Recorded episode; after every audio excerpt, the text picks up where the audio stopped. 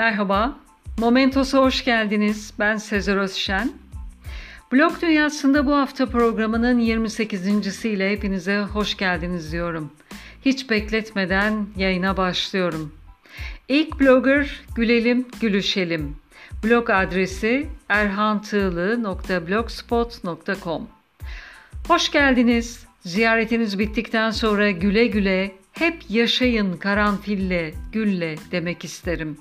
Gelin gül dikelim, kökünü kazıyalım kötülerin, çirkinlerin. Gül dikmesini bilirsen cennet olur bu dünya. Görmesini bilirsen gerçek olur o rüya. Gülelim, gülüşelim, mutluluğu bölüşelim. Güzellikte buluşalım. Şiirlerle, öykülerle gül bahçesine dönüşelim demiş profilinde. Bloğa başlangıç tarihi 2007 Nisan kendi yazdığı şiiriyle merhaba demiş.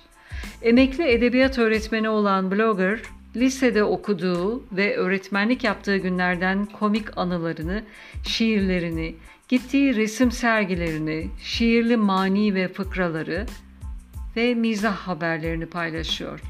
Kendisine blog dünyasında uzun yıllar ve başarılar diliyorum.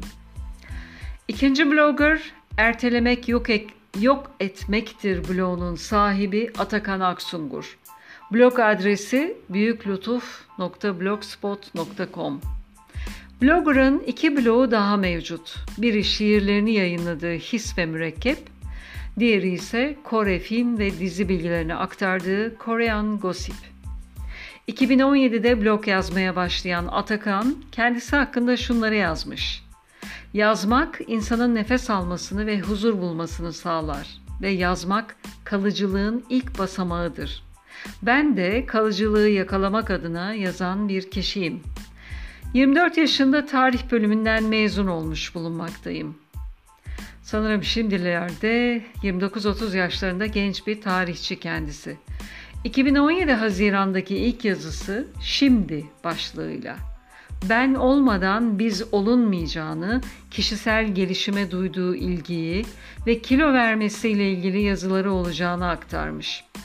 Bu konuları yediği içtiği şeyleri, kitap tanıtımlarını, hayat ve insanın duygu durumları ile ilgili yayınları da ekleyebiliriz. Sosyal medya hesapları da bulunan blogu incelemenizi ve izlemenizi öneririm. Üçüncü blogger Fatoş. Blog adresi homerostanfatoya.blogspot.com 2019 Mayıs'ta yayınlarına başlamış. Kitaplardan, filmlerden, şairlerden bahsederken yayına mutlaka bir müzik eklemiş.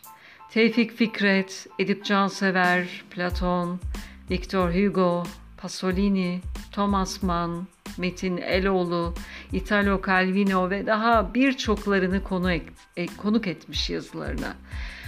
Çok güzel film tanıtım yazıları var. Bence her yayını ayrı bir lezzete sahip. Mutlaka göz atmalı, okunmalı. Blogger aynı zamanda şehir gezilerini, müzeleri, sokakları fotoğraflayarak yayınlarında aktarıyor ve bloklar arası meydan okuma etkinliklerine de katılıyor. Blogunu incelemenizi öneririm. Sırada Evde Yazar var. Blog adresi evdeyazar.blogspot.com Blog yazmaya 2013 Ocak'ta ilk merhabam ve hayallere dair yazısıyla başlamış. Blogunu yaşama dair ne varsa paylaşmak amaçlı oluşturduğunu, bazen gündeme dair konuları içine attıklarını, bazen de deneyimlerini aktarmak istediğini yazmış. Hakkımda bölümünde tekstil mühendisi olduğunu, işten ayrıldıktan sonra kendini yazmaya verdiğini, bu ihtiyaçtan bloğu meydana getirdiğini ve anonim kalmak istediğini yazmış. Blogunda ana sayfa hakkımda destek ol, reklam tanıtım, sanal dükkanım, iletişim başlıkları mevcut. Reklam tanıtım başlığı altında iş deneyimlerini ve içerik üreterek nasıl para kazanılacağını aktarmış. Blogunu inceleyip tavsiyelerine göz atmanızı öneririm. Ve son bloggerımız arkadaşım Özhan Özdil'in blogu. Blog adresi özhanözdil.blogspot.com Özhan İstanbul Şehir Tiyatrolarından emekli bir sahne tasarımcısı. Sahnesinin onun tasarladığı pek çok oyunu izleme fırsatı bulmuştum. Şiirle ve bisikletine atlayıp doğaya yaptığı gezileriyle tanıdım onu. 2011 Temmuz'da Latmos Koşukları şiirinin 21. ile merhaba demiş. 2012 Mart'ta Anlatı 3 başlıklı yazısını burada seslendiriyorum. Bulutlar sıcak, gölgeler gürültülü. Bir Osmanlı köşkünün bahçesinde derin düşüncelere gözlerini sımsıkı kapamış bir kül kedisinin Mısır yontularını anımsatan kıpırtısızlığında erinçli bir güzellik yuvalanıyor. İzleyerek dinginleşiyorum. Bahçedeki kadınlar aslan gövdeli sfenkslere dönüşürken durmadan açıp kapanan ağızlarından dökülen sözcükleri karıncalar sürükleyerek götürüyor. Oysa iki sfenks yan yana oturduğunda sessizlik konuşur. Yunan sfenksleri neden kadın yüzlüdür? Dönüp kül kedisine bakıyorum. O kendi içinde oturabiliyor. Bense gövdemi plastik bir koltuğa yerleştirmiş, dirseklerimle önümdeki yuvarlak masanın üstüne dayanıyorum. Artık hiç kimse bağdaş kurup kendi içinde oturmuyor. Söyleşilerse yuvarlak masaların çevresinde koşmaca oynuyor. Masalar belki de bu yüzden yuvarlak. Bir genç geliyor sanki yürüyerek kırlardan. Sol elinde bir yürüyüş sopası, sırtında bir bez çanta iyice eskitilmiş. Kimsesiz bir masanın yanına oturup çantasından kalın bir Kemal Tahir çıkarıyor. Oysa kırlarda özgürce dolaşabilecek biri. Belki de dolaşmaktan usanmış biri. Betiğini açıp başlıyorsa da okumaya, gözleri ikide bir de havalanıp süze duruyor bahçedekileri. Ah şu gözler, hiç usanmazlar dolaşmaktan köşe bucağı. Bence bahçe masaları uzun olmalı. Öyle uzun olmalı ki bir uçları kırlara doğru uzayıp giderken ağaçların her yöne dallanması gibi gövdelerinden yeni masalar masalanmalı. Bu bitimsiz masalarda yeni konuşmalar konuşmalanmalı.